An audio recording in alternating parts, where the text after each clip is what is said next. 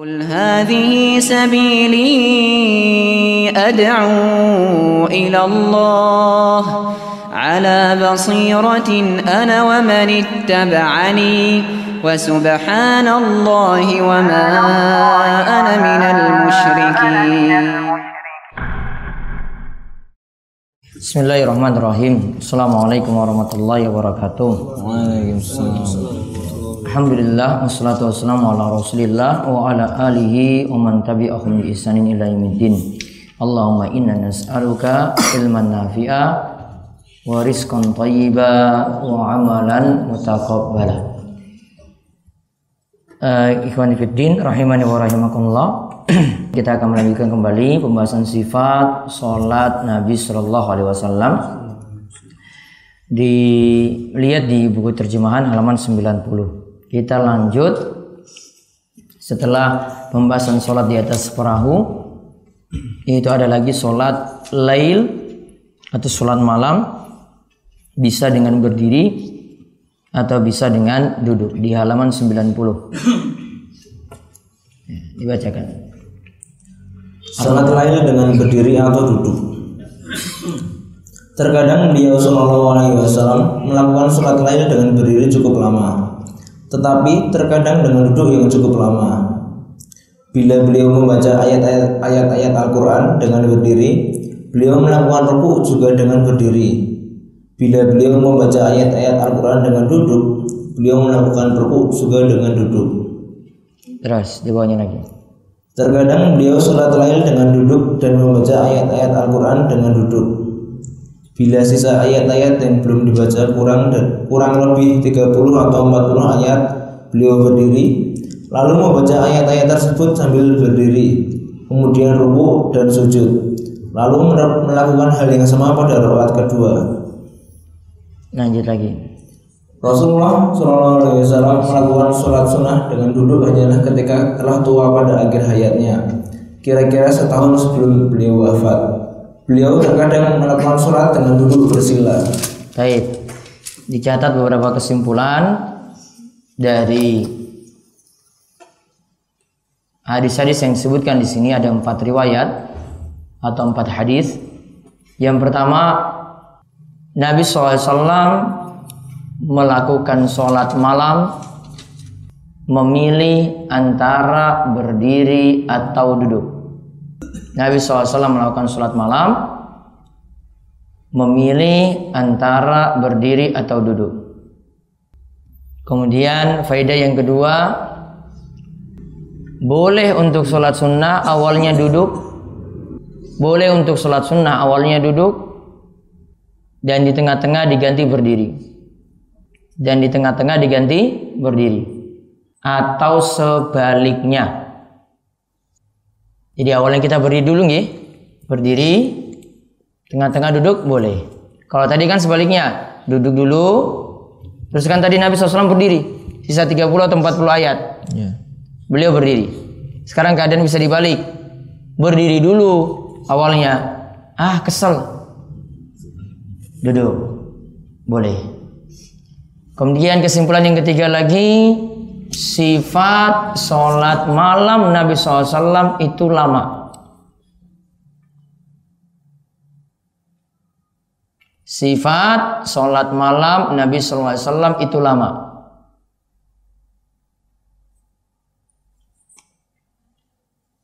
Ya, yaitu nantinya bacaan Al-Qur'annya ayatnya itu lebih banyak, lebih lama. Kemudian faedah yang berikutnya lagi. Cara duduk.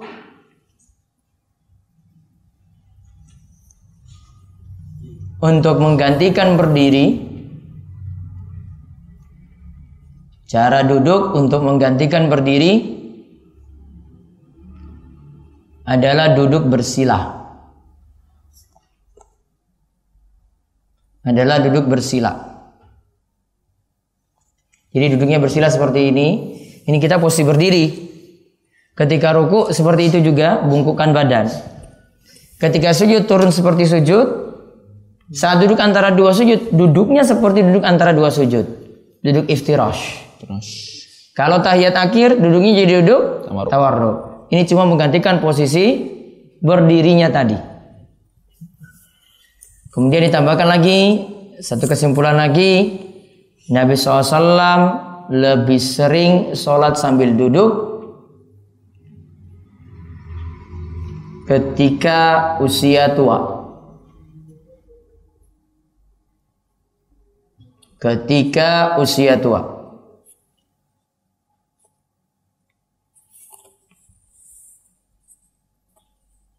Nah, sekarang nomor 6. Ini sholat dengan bersandal. Artinya di sini sholatnya pakai sendal. Apakah ada tuntunannya atau tidak? Di sini kita lihat. Namun nanti dari sisi praktek ya lihat keadaan. Kalau pakai sendal misalnya lagi di luar. Karena kalau aturan di masjid kita ya tidak seperti itu. Namun ingat ini bukan keharusan. Gak keharusan sholat itu harus pakai sendal. Mungkin jenengan pernah dengar ada seorang kiai yang tobat, namun ket- ketobatnya jadi kebablasan dalam menyimpulkan beberapa hukum. Di antaranya dia simpulkan hukum ini. Kiai Haji Mahrus Ali. Tahu? Pernah dengar Pak Firman? Nah, tobat kan? Nah, namun ketobatnya kebablasan. Di antara kebablasannya wajib sholat pakai sendal. Tanah nggak boleh pakai keramik. Dia tetap sholatnya di tanah. Tidak boleh pakai sejadah. Jadi langsung sholat pakai sepatu atau sendal. Dia masuk dalam masjidnya kayak gitu. Gak ada masjidnya itu dibuat pakai keramik nggak boleh. Sholat harus pakai sendal. Jadi wajib. Ya, saya bilang ini kebablasan.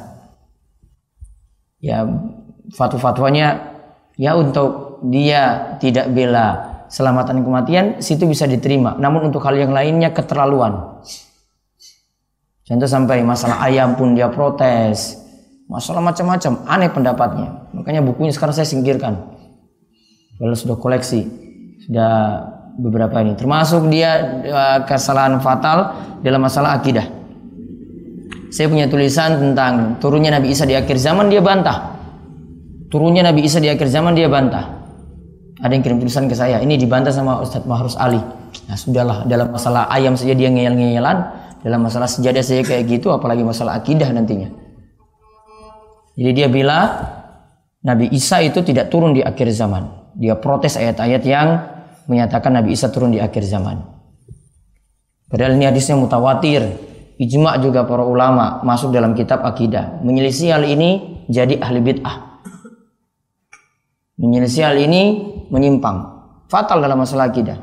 Dia tolak berbagai macam ayat, tolak berbagai macam hadis. Tolak ijma kesepakatan para ulama. Saran saya yang sudah punya buku kalau nggak bisa bantah bukunya mendingan dibakar saja buku tersebut. Namun saya beberapa buku-buku sesat saya koleksi. Ada yang dikasih, ada yang beli. Ada yang pernah dikasih, ada salah satu dosen di UGM, teknik nuklir kalau tidak salah. Eh, Agus Mustafa. Salah satu judul bukunya Akhirat Tidak Kekal. Saya bantah satu buku ini. Baru satu buku saya bantah. Ada lagi satu bukunya sholat tahajud di siang hari. Sholat apa? Tahajud nih. Nah, sudah tahu judulnya gimana gitu kan. Ada beberapa lagi aneh-aneh. Ada di atas. Saya waktu belajar dengan Ustadz Aris, Ustadz Aris dapat buku ini, dia suruh ini untuk kamu bantah buku itu. Sampai sekarang saya belum selesai bantah. Ini salah satu buku yang saya bilang keterlaluan sekali. Waktu itu saya bantah itu baru orang komentar banyak gitu tentang Agus Mustafa. Baru tahu pemikirannya sesat kayak tadi. Jadi kepintaran ternyata nggak menyelamatkan orang, malah menyesatkan dia. Dan dia salah satu pemahamannya yang jelas dia pemahaman sufi, pemahaman tasawuf. Ya, pemahaman sufi, pemahaman tasawuf. Itu salah satu pemahamannya. Taib. Dilanjutkan sekarang sholat dengan sandal. Ingat, diberi catatan di judul tadi, ini bukan syarat, bukan kewajiban. Sehingga jenengan nanti jangan salah paham. Jangan seperti Kiai Haji tadi. Ini bukan syarat, ini bukan kewajiban. Lihat kondisi. Oh, kita pakai sendal. Oh, ini di lagi di tengah hutan misalnya. Sudahlah saya sholat pakai sendal ini. Mau lepas sendal, oh nggak ada klosong, nggak ada macam-macam juga kan? Sudahlah kotor-kotor sekalian. Nah, gitu kan sikap sikapnya bagus kan? Iya. iya. Namun kalau di masjid ya tidak seperti itu. Ya sudah pakai keramik ya sudah nggak usah paksakan pakai sendal. Jadi ingat ini bukan syarat, bukan wajib, bukan masuk rukun, bukan masuk syarat, bukan masuk kewajiban. Nah sekarang lihat hadis-hadis yang ada. Terkadang Terkadang beliau sholat dengan kaki telanjang, tetapi terkadang dengan bersandar. Nah, kadang dengan kaki telanjang, kadang dengan bersandal. Nah ini saya nggak tahu ini mau harus Ali dia potong bagian ini di mana kalau dia baca hadis ini. Kadang dengan kaki telanjang, artinya seperti kita pakai. Kadang pakai sendal. Nggak tahu nanti dia menyikapi hadis ini gimana. Dia takwil dari hadis ini gimana. Dia pemahamannya seperti apa. Mungkin keluputan hadis ini. Satu hadisnya sudah terbantah dia. Terus yang kedua. Beliau beliau membenarkan umatnya melakukan hal ini sebagaimana sabdanya. Bila seseorang di antara kamu sholat, hendaklah ia mengenakan sepasang sandalnya atau ia melepaskan keduanya dan meletakkannya di antara kedua kakinya agar tidak mengganggu orang lain. Bila seorang di antara kalian sholat, hendaklah ia mengenakan sepasang sendalnya. Jadi kalau memang pakai sendal, pakai sendal. Atau ia melepaskan keduanya, boleh juga dilepas. Dan meletakkannya di antara kedua kakinya. Nah ini sholat. Jadi taruh di kanan kiri. Sendal tadi. Agar tidak mengganggu orang lain. Karena kalau taruh di depan orang lain gak enak. Wah ini sendalnya siapa ini? Ya, pas lagi kotor-kotornya lagi dia taruh di depan orang. Ganggu orang. Maka berarti dari hadis ini juga eh, ganggu orang untuk sholat tidak boleh.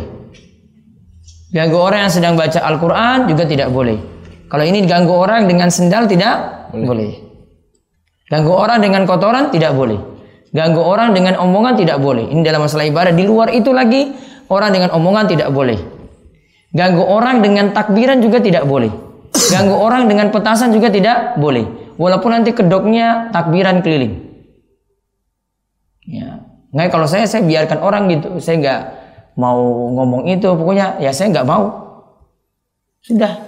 Nggak mau ikut-ikutan juga. Nggak usah paksa-paksa masjid sini untuk harus anak-anak keluar untuk takbiran keliling. Cuma bikin jalan macet aja. Ya, takbirannya di masjid sudah cukup, sudah mau mengagungkan nama Allah sudah di situ. Nggak usah buat keributan, nggak usah ganggu orang. Kalau waktunya istirahat, ya istirahat. Ya, nanti ada orang yang butuh istirahat kita ganggu. Nggak boleh ganggu orang. Kata Nabi SAW, al muslimu man salim al muslimuna min wa yadi. Muslim yang baik itu tandanya adalah tangan dan lisannya nggak ganggu orang lain. Tangannya nggak ganggu orang, ya misalnya mukul lebih parah ngebom. Ya nah? mukul orang nggak boleh. Ngebom orang nggak nggak boleh. Dalilnya ada. Juga tidak boleh dengan lisannya omongannya. Nyelekit perkataannya nggak boleh. Rasa wong nggak nggak boleh.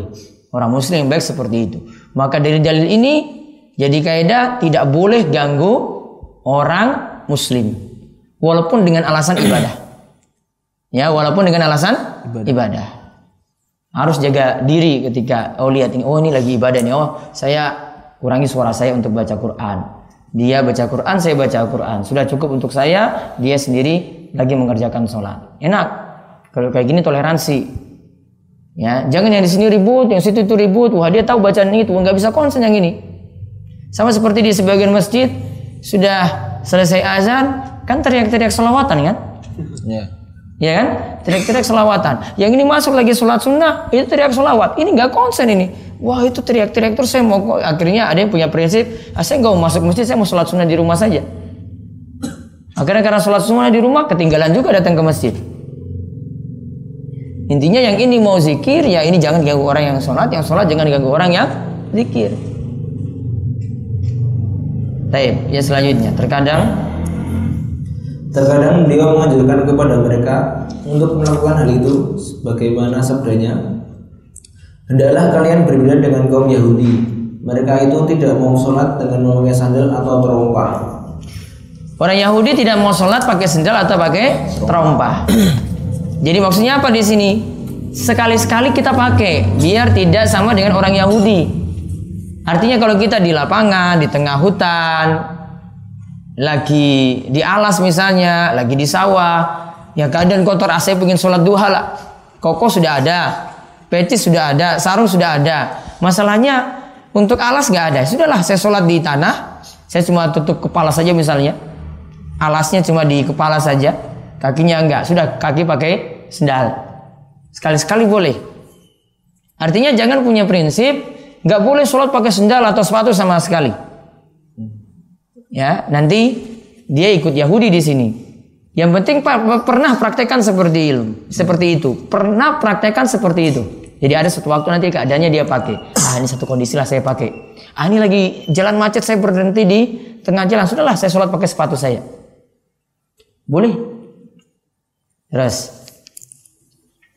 Terkadang beliau melepaskan sendalnya ketika sholat, kemudian men- meneruskan sholatnya sebagaimana cerita Abu Said Al Khudri berikut. Nah, jadi beliau melepaskan sendal ketika sholat. Jadi awalnya pakai sendal, di tengah-tengah sholat dilepas. Ya, di tengah-tengah sholat dilepas, namun sholat masih tetap lanjut. Kita lihat hadis dari Abu Sa'id Al Khudri.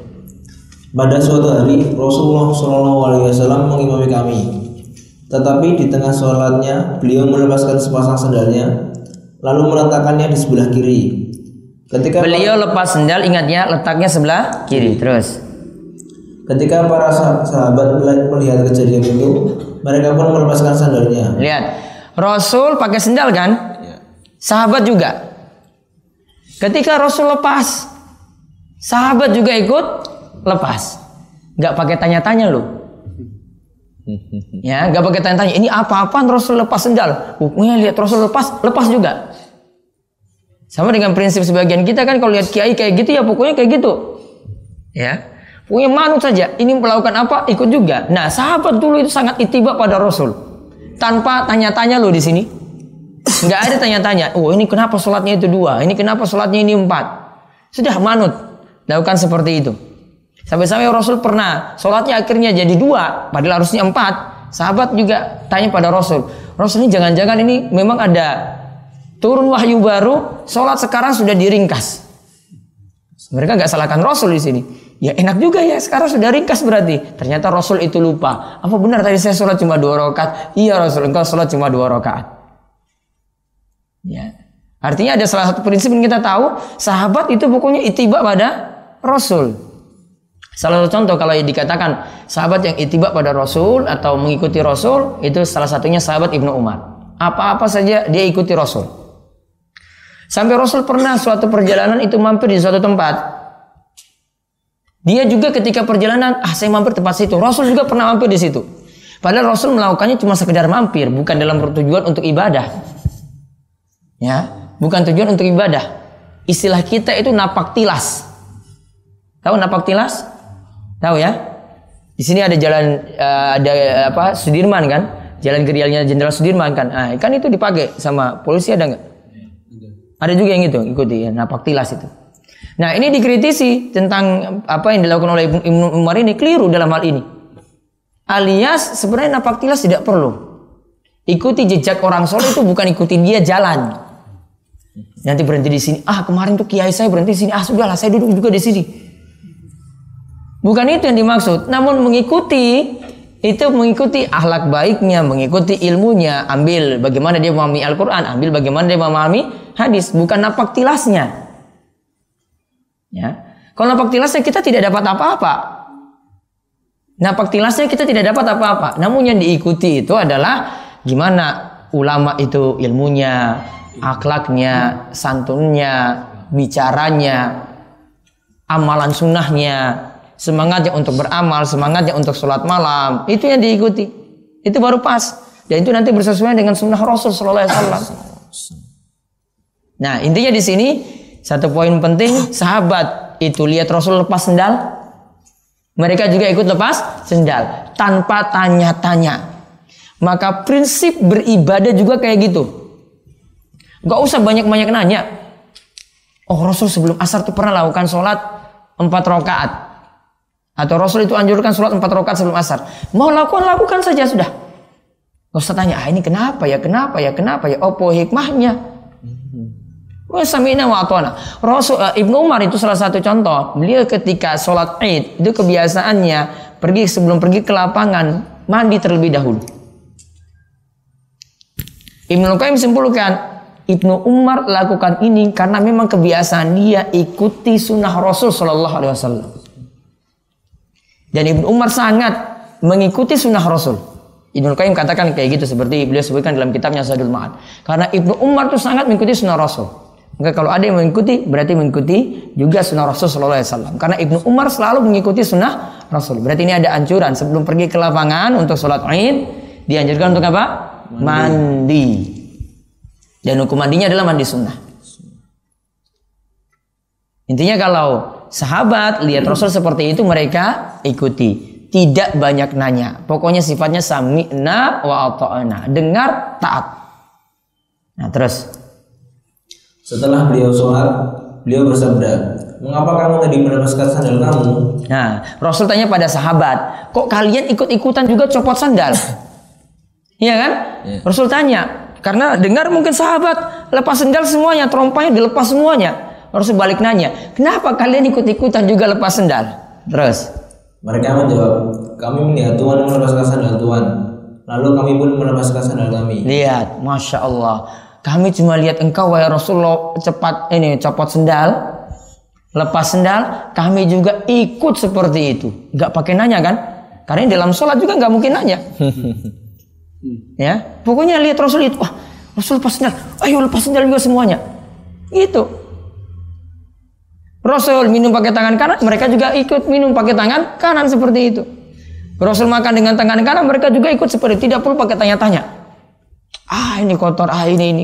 Kalau kita kan banyak bantah. Ah ini ini, ah-nya itu banyak sekali. Ah, ya ah lagi. Ditegur sedikit minum pakai tangan kiri. Ah, ini kan kotor tangan kiri, tangan kanan saya saya pakai tangan kiri. Banyak ahnya. Sudah harusnya pokoknya manut aja. Rasul seperti itu ikuti saja.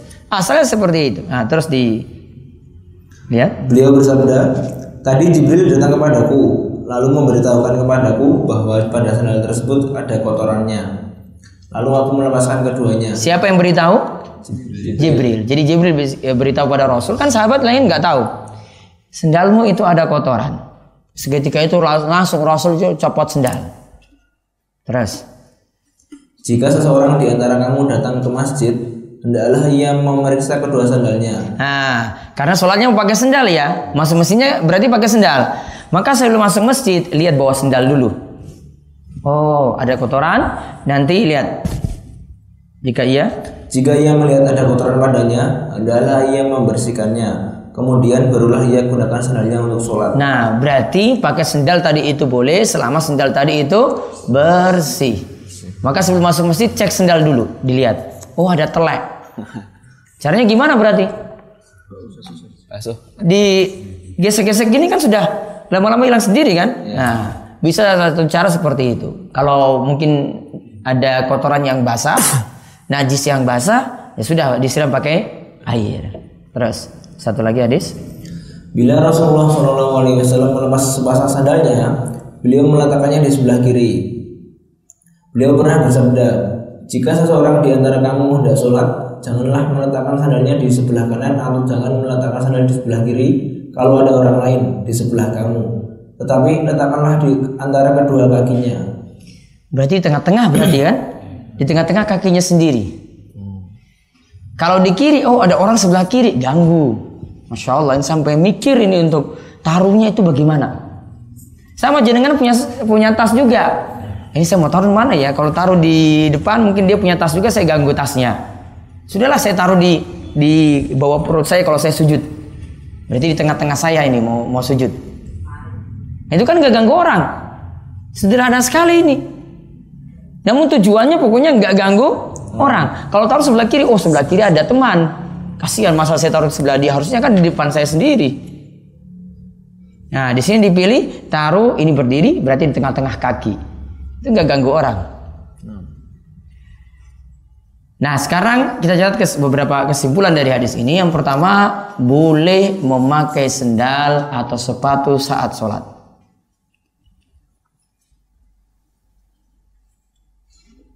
boleh memakai sendal atau sepatu saat sholat.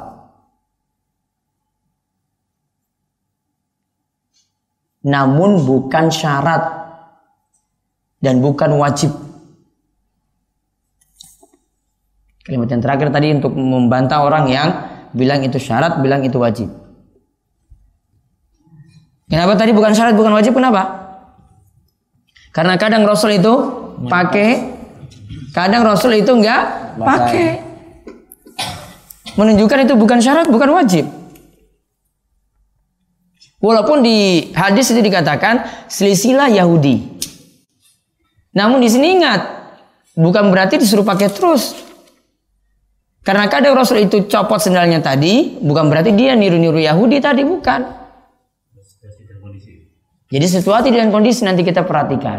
Nah ini saya di tempat mana ya? Sudahlah saya pakai sepatu saya, saya nggak usah copot. Ah sudahlah saya pakai sendal saya, saya nggak usah copot. Kemudian faedah yang kedua, boleh melepas sendal di tengah-tengah sholat.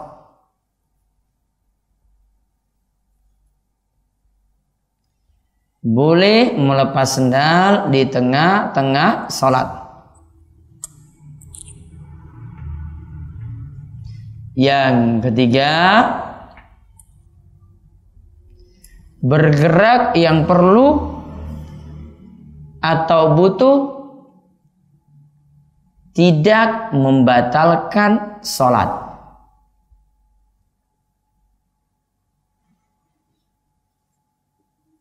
Bergerak yang apa tadi? Perlu atau butuh tidak membatalkan sholat. Tadi gerak nggak lepas sendal? Ya, gerak. nah, para sahabat juga gerak kan? Gerak. Itu gerak tambahan. Kan nggak ada dalam bagian sholat. Namun dilepas ketika itu. Gerak seperti ini kalau butuh boleh. Faedah yang berikutnya lagi. Sekarang perhatikan dulu saya ceritakan. Awal sholat dimulai dengan di sendal ada kotoran atau najis Ya kan? Lanjut sholat di tengah-tengah dilepas sendal tadi. Sholatnya disuruh ulang nggak tadi? Enggak. Sholatnya disuruh ulang atau tidak? Tidak. Tidak.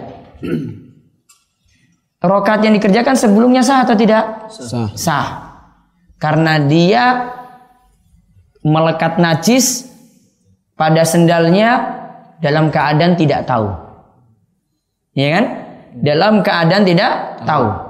Jadi sejak awal tidak tahu kalau ada kotoran. Di tengah-tengah sholat baru Jibril kan beritahu, baru dilepas. Berarti kesimpulannya kalau untuk masalah najis ya, masalah najis nanti saya jelaskan kaidahnya. Kalau lupa setelah sholat, bisa catat, kalau lupa setelah sholat baru menemukan najis, baru menemukan najis.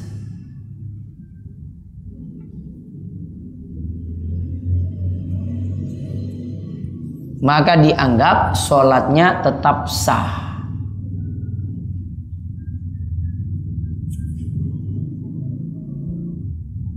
Sholatnya tetap Sah. sah.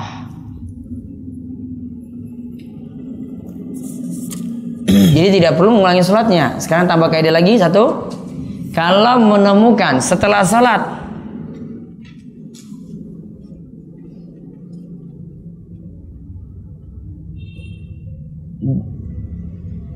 Setelah sholat dalam keadaan berhadas. Setelah sholat dalam keadaan berhadas. Dan tidak tahu sebelumnya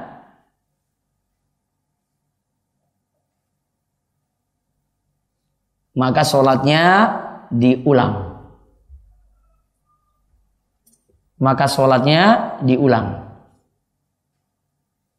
Bisa dicatat contohnya, contoh. Setelah sholat menemukan di celana ada mani. Setelah sholat menemukan di celana ada mani. Subuh setengah lima langsung sholat berwudu saja jam 6 pas mau mandi lihat ya Allah saya tadi malam itu mimpi basah Diulang nggak sholatnya? Ulang. Diulang. Mandi dulu, kemudian ulangi sholat.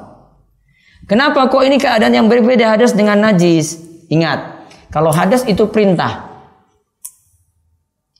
Ya, hadas itu perintah. Artinya sholat harus suci dari hadas. Dan hadas ingat itu menunjukkan keadaan. Saya habis kentut itu namanya lagi berhadas. Saya dalam keadaan junub itu namanya lagi berhadas, hadas besar. Kalau kentut berarti hadas kecil. Kita ketika sholat diperintahkan suci dari hadas. Maka kalau habis sholat itu masih uh, kita temukan ada hadas, kita dalam keadaan hadas, oh berarti sholat tadi itu bermasalah. Maka disuruh ulang. Sedangkan kalau untuk najis, kita itu dilarang dalam sholat itu bawa najis. Yang tadi itu perintah, kalau ini dilarang. Dilarang dalam sholat itu bawa najis. Maka kalau orang itu melakukan larangan dalam keadaan tidak tahu, dia dianggap seperti tidak melakukannya. Contoh, jenengan puasa. Saat siang hari makan dalam keadaan lupa. Berarti dianggap makan dalam keadaan lupa tadi, padahal pelanggaran kan? Ya. Dan itu larangan. Dianggap seperti tidak makan. Makan tadi dianggap seperti tidak makan. Tinggal melanjutkan puasa. Ini keadaan yang berbeda. Najis dan hadas. Sekarang pertanyaannya. Subuh tadi sholat dalam keadaan berhadas. Baru tahu jam 6 sore. Mandinya mungkin jam 6 sore. Diulangi nggak sholatnya? Diulangi nggak sholat-sholat yang sudah dilakukan? Diulang nggak? Diulang atau tidak? Diulang. Berarti berapa sholat diulang? Lima. Eh. Empat. Subuh, Oh. Zuhur, asar. Pas maghrib masuk mandi, lalu kerjakan sholat subuh dua, lalu kerjakan sholat subuh eh, zuhur empat, lalu sholat asar empat, baru dia sholat maghrib. Kenapa? Oh, tadi sholatnya dalam keadaan junub. Subuhnya sholat dalam keadaan junub. Zuhur juga belum ketahuan kan? Masih junub. Asar juga masih junub. Karena kalau wudhu belum bisa menghilangkan hadas besar. Dia dalam keadaan junub, maaf ya. Kalau dia wudhu saja belum bisa menghilangkan hadas Besar. besar. Diulang semuanya berarti. Sedangkan kalau misalnya subuh tadi di celana dia temukan ada kotoran, ya, dia temukan ada kotoran, baru ketahuan tadi jam 6 tidak perlu ulangi sholat subuh, tidak perlu ulangi sholat zuhur, tidak perlu ulangi sholat asar. Kalau temukan nah, najis. Kaidahnya tadi dasarnya dari hadis Abu Said Al Khudri tentang cerita Nabi SAW melepas sendalnya di tengah-tengah sholat.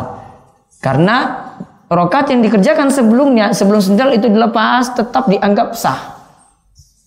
Sedangkan kalau sudah ketahuan seperti itu masih lanjut ya sholatnya jadi masalah. Namun Nabi SAW copot sendalnya di tengah-tengah sholat atas pemberitahuan dari malaikat Jibril alaihissalam. Wallahu a'lam bishawab sampai sholat dengan sandal tadi. Nanti kita lanjut lagi ibadah asar. Ada pertanyaan? Ya. Jadi saat sel- selesai mau mandi itu, katanya saya dengar ada membedakan ya, mandi apa? Madhi wadi. Mandi sama mani itu. Iya. Gimana? Ini tahu kalau ini sperma atau ini. Nah, taib. Ini keadaannya kita bangun tidur. Ya nak? Dapat di celana sesuatu. Kira-kira itu mani masih atau wadi?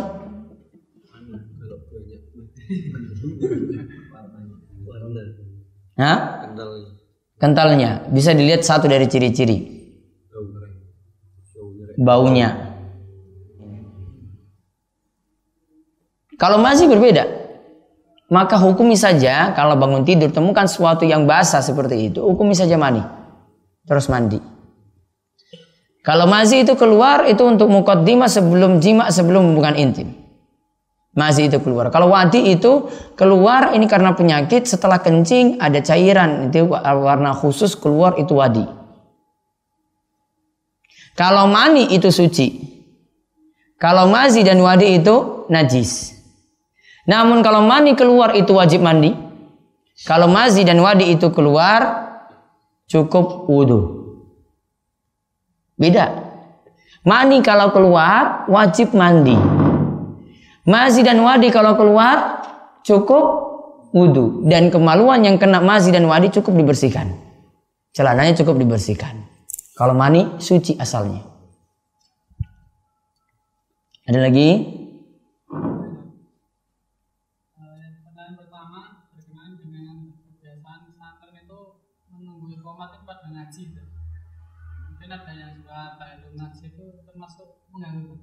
Ya makanya yang tilawah tadi pelankan suaranya cukup untuk dirinya sendiri. Sehingga tidak ganggu orang yang tahiyatul masjid. Kan anak kecil kan ngumpul di mana-mana. Anak kecil ngompol di mana-mana di masjid. Enggak maksudnya di rumahnya. Oh di rumahnya. Nah di rumahnya. Enggak? Dilihat anaknya yang pertama laki-laki ataukah perempuan. Kalau anaknya itu perempuan, bekas kencingnya wajib dicuci. Sedangkan kalau untuk anak laki-laki dilihat dia sudah makan, eh, jadikan makanan itu sebagai pokoknya ataukah masih bergantung pada ASI. Ya, kalau pokoknya itu sudah makanan berarti tetap dicuci juga. Namun kalau baru ASI saja, maka celananya cukup diperciki atau pakaian dari ibu tadi yang kena kencing anaknya sendiri itu cukup diperciki dan itu keringanan dan boleh digunakan untuk sholat. Ibunya harus ganti baju eh, cukup ganti baju saja lah untuk sholat. Kalau kencing, Kan ya dia cukup basahin aja, hilangkan seperti biasa. Kalau wudhu kan sudah hilang juga. Seperti itu. Ada lagi.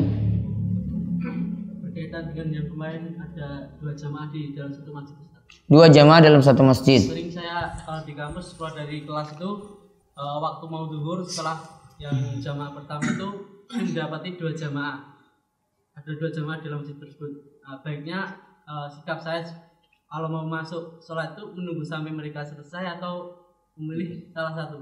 Karena sering saya dapat seperti itu. Yang jelas kemarin yang saya sebut kalau ada dua imam bunuh salah satunya. itu kasarannya sebenarnya. ya intinya nggak boleh sebenarnya satu masjid itu ada dua imam. Kalau sama-sama telat didikan ini satu ini satu nggak boleh. Yang jelas satunya ya jenengan kalau dalam kondisi tinggal pilih. Ya, tinggal pilih ah ini yang paling telat ini ini sajalah saya dapat rakaat lebih banyak. Ya.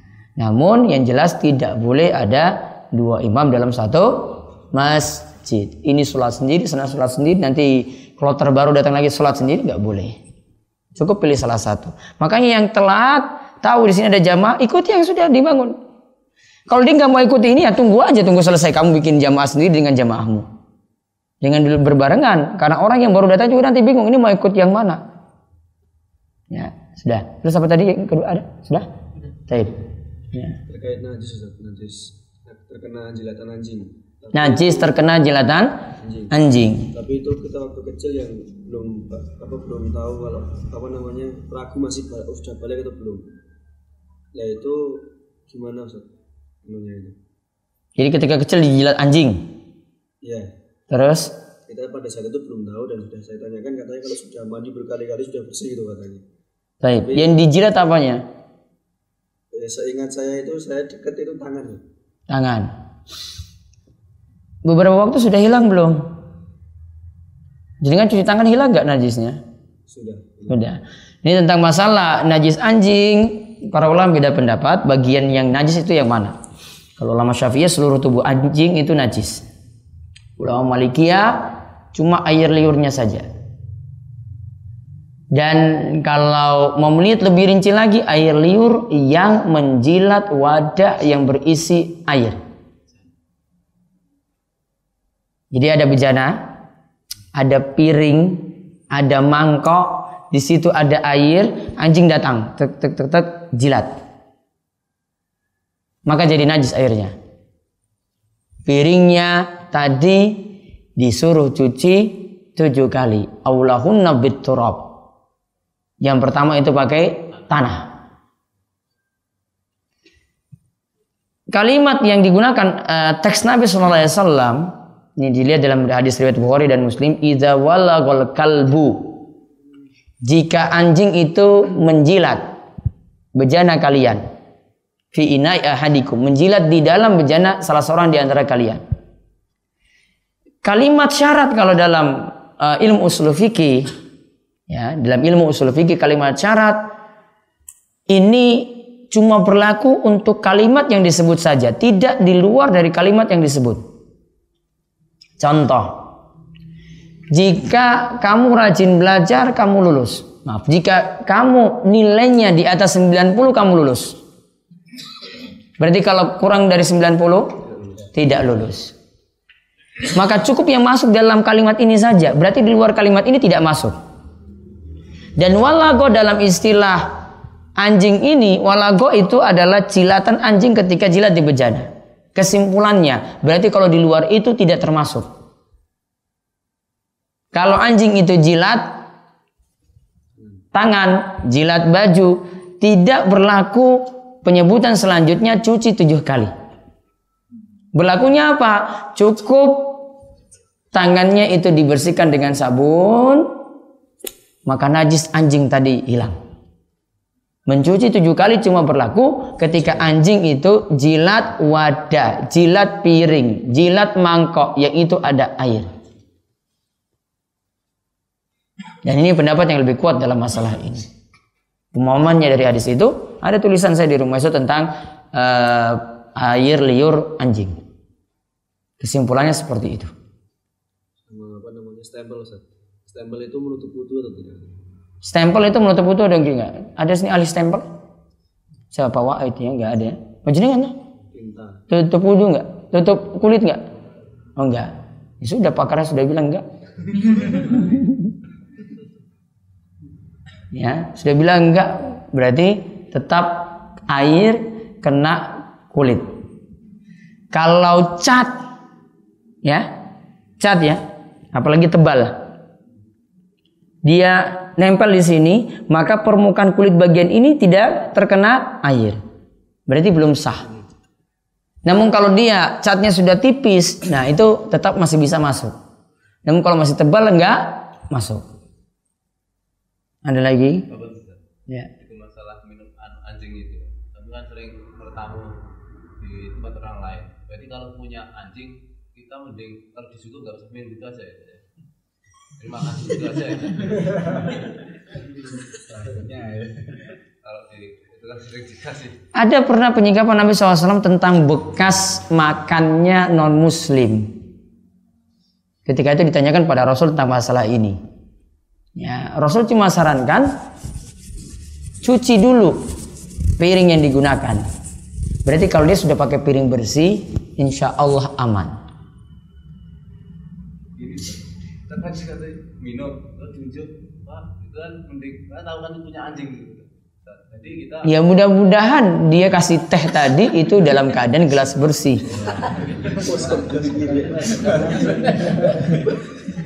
Kalau nggak mau minum sudah tuh terserah aja dengan ah saya mau botol aku aja. Ya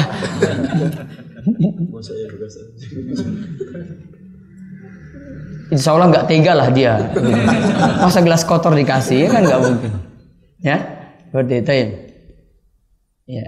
yang di hadis terakhir itu kalimat pertama yang tentang melepas gelar beliau meletakkan di sebelah kiri namun setelahnya itu ada kalimat dan meletakkan anda di sebelah kiri Kalau ada orang sebelah kiri. Jangan letakkan sebelah kiri kalau ada orang sebelah kiri. Berarti kalau tidak ada orang, nggak apa-apa. Baik. Afif. Masalah junub. Jadi misal kita menjelang maghrib baru tahu tadi yang junub uh, junub itu terus Dari subuh itu baru tahu pas menjelang maghrib. Ya. kan kita harus mengulang sholat sholat yang apa yang tadi sholat sholat zuhur sholat asar maka kita bisa dapat pahala berjamaah Ustaz. Itu uzur. Uzur. Orang yang uh, punya masalah karena ada uzur, kalau dia kerjakan sesuatu karena uzur ini, maka dia akan mendapatkan pahala yang dia tujukan. Contoh misalnya kita sudah datang ke masjid ini, ya sudah datang ke masjid, sudah ada di sop pertama, masya Allah perut nggak bisa ditahan ke belakang, ikomah belum selesai juga ini, Datang ke masjid, sudah masuk dalam masjid lagi, selesai. Dapat pahala berjamaah enggak? Dapat enggak? Dapat pahala berjamaah. Karena seandainya tidak ada uzur ini, saya bisa tetap bisa sholat berjamaah. Dalilnya adalah Nabi SAW mengatakan abdu au safara. Jika seorang itu sakit atau bersafar, maka dia akan mendapatkan pahala seperti dia dalam keadaan sehat, seperti dia dalam keadaan mukim. Apa uzurnya di sini? Sakit. Uzurnya juga safar. Maka pahalanya dicatat seperti dia dalam keadaan sehat. Maka tadi pahalanya dicatat seperti dia dalam keadaan dapat sholat berjamaah. Karena asal-asalnya dia tinggalkan ini karena ada uzur. Jadi kesimpulannya dapat pahala berjamaah enggak? Padahal dia sholatnya sendiri kan akhirnya tetap dapat pahala berjamaah. Ada lagi satu? tentang kemarin jarak safar 85 kilo itu Iya. itu dihitung PP atau gimana? pulang pergi atau Panggang Solo, cuma pergi. Iya. Karena kalau jadikan hitung ini mumbeng-mumbeng aja nanti bisa pakai. Wara, Gesing, Sabtosari, ya, Renean, Wonosari, sini bisa 85 kilo. Makanya kemarin saya katakan hitung dari batas kota. Ya, artinya kalau masih dalam kota muter-muter enggak. Jadi nggak muter Jogja, muter terus ya bisa dapat 5 kilo. Makanya di luar dari batas kota, ini sudah di luar dari kota. Karena kalau masih dalam kota, itu belum safar. Walaupun lebih daripada 85 kilo. Iya kan? Warak, ke Gesing, ke Renean, Wonosari, muter lagi sini, dapat nanti. Ya, dapat bisa dapat. Dia tambah lagi ah saya kerongkop lagi balik sini, oh safar. Nggak bisa, ini masih dalam. Masih dalam kota. Ya.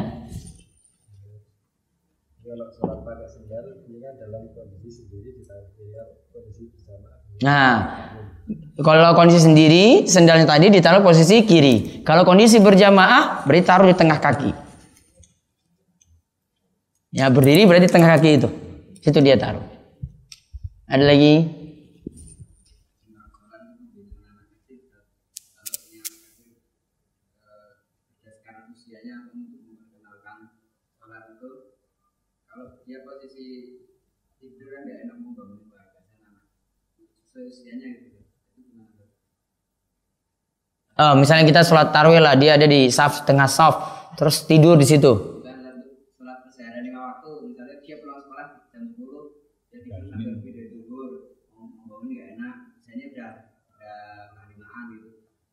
Kelas berapa? Kelas 5 SD. Sudah harus dibangunkan. Ya sudah harus dibangunkan. Gak usah nggak enak gak enak. Kalau nggak enak gak enak terus sampai SMP SMA ya nggak enak terus. Ah bisa kayak ini tadi malam dia belajar banyak sudah subuh sudahlah nggak apa-apa nanti jam 6 aja. Nah, orang tua nggak boleh kayak begitu. Ini anaknya nanti jadi fitnah namanya. Inama amwalukum wa fitnah. Ya, sesungguhnya anak dan harta itu jadi fitnah. Ini jadi fitnah seperti ini. Kasihan dengan dia gitu, nggak mau dididik. Ya. Nah, ini sebagian masyarakat prinsipnya kayak gitu. Keliru fatal. Orang tua dapat dosa dalam masalah ini.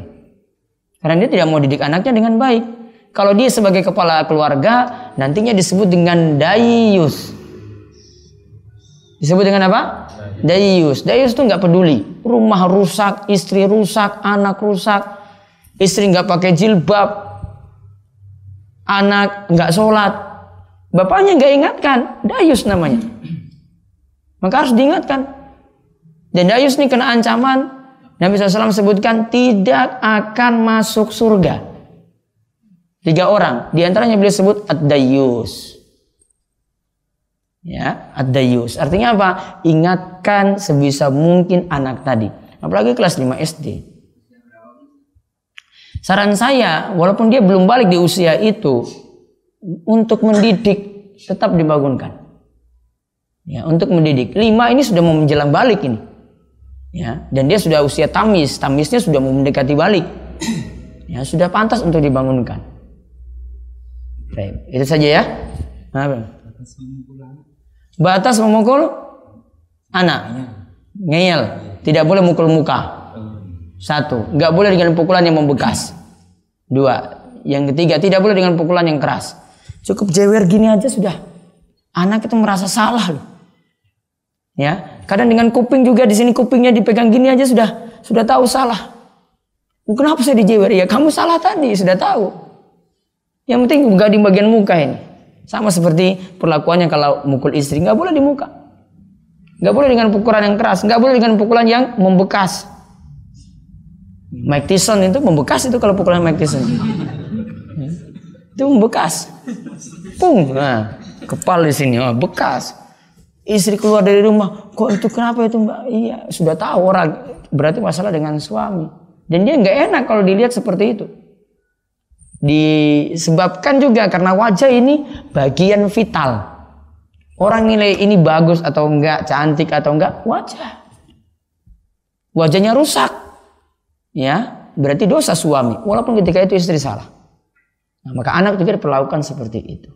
Wallahu bishawab. Kita tutup dengan doa kafaratul majelis.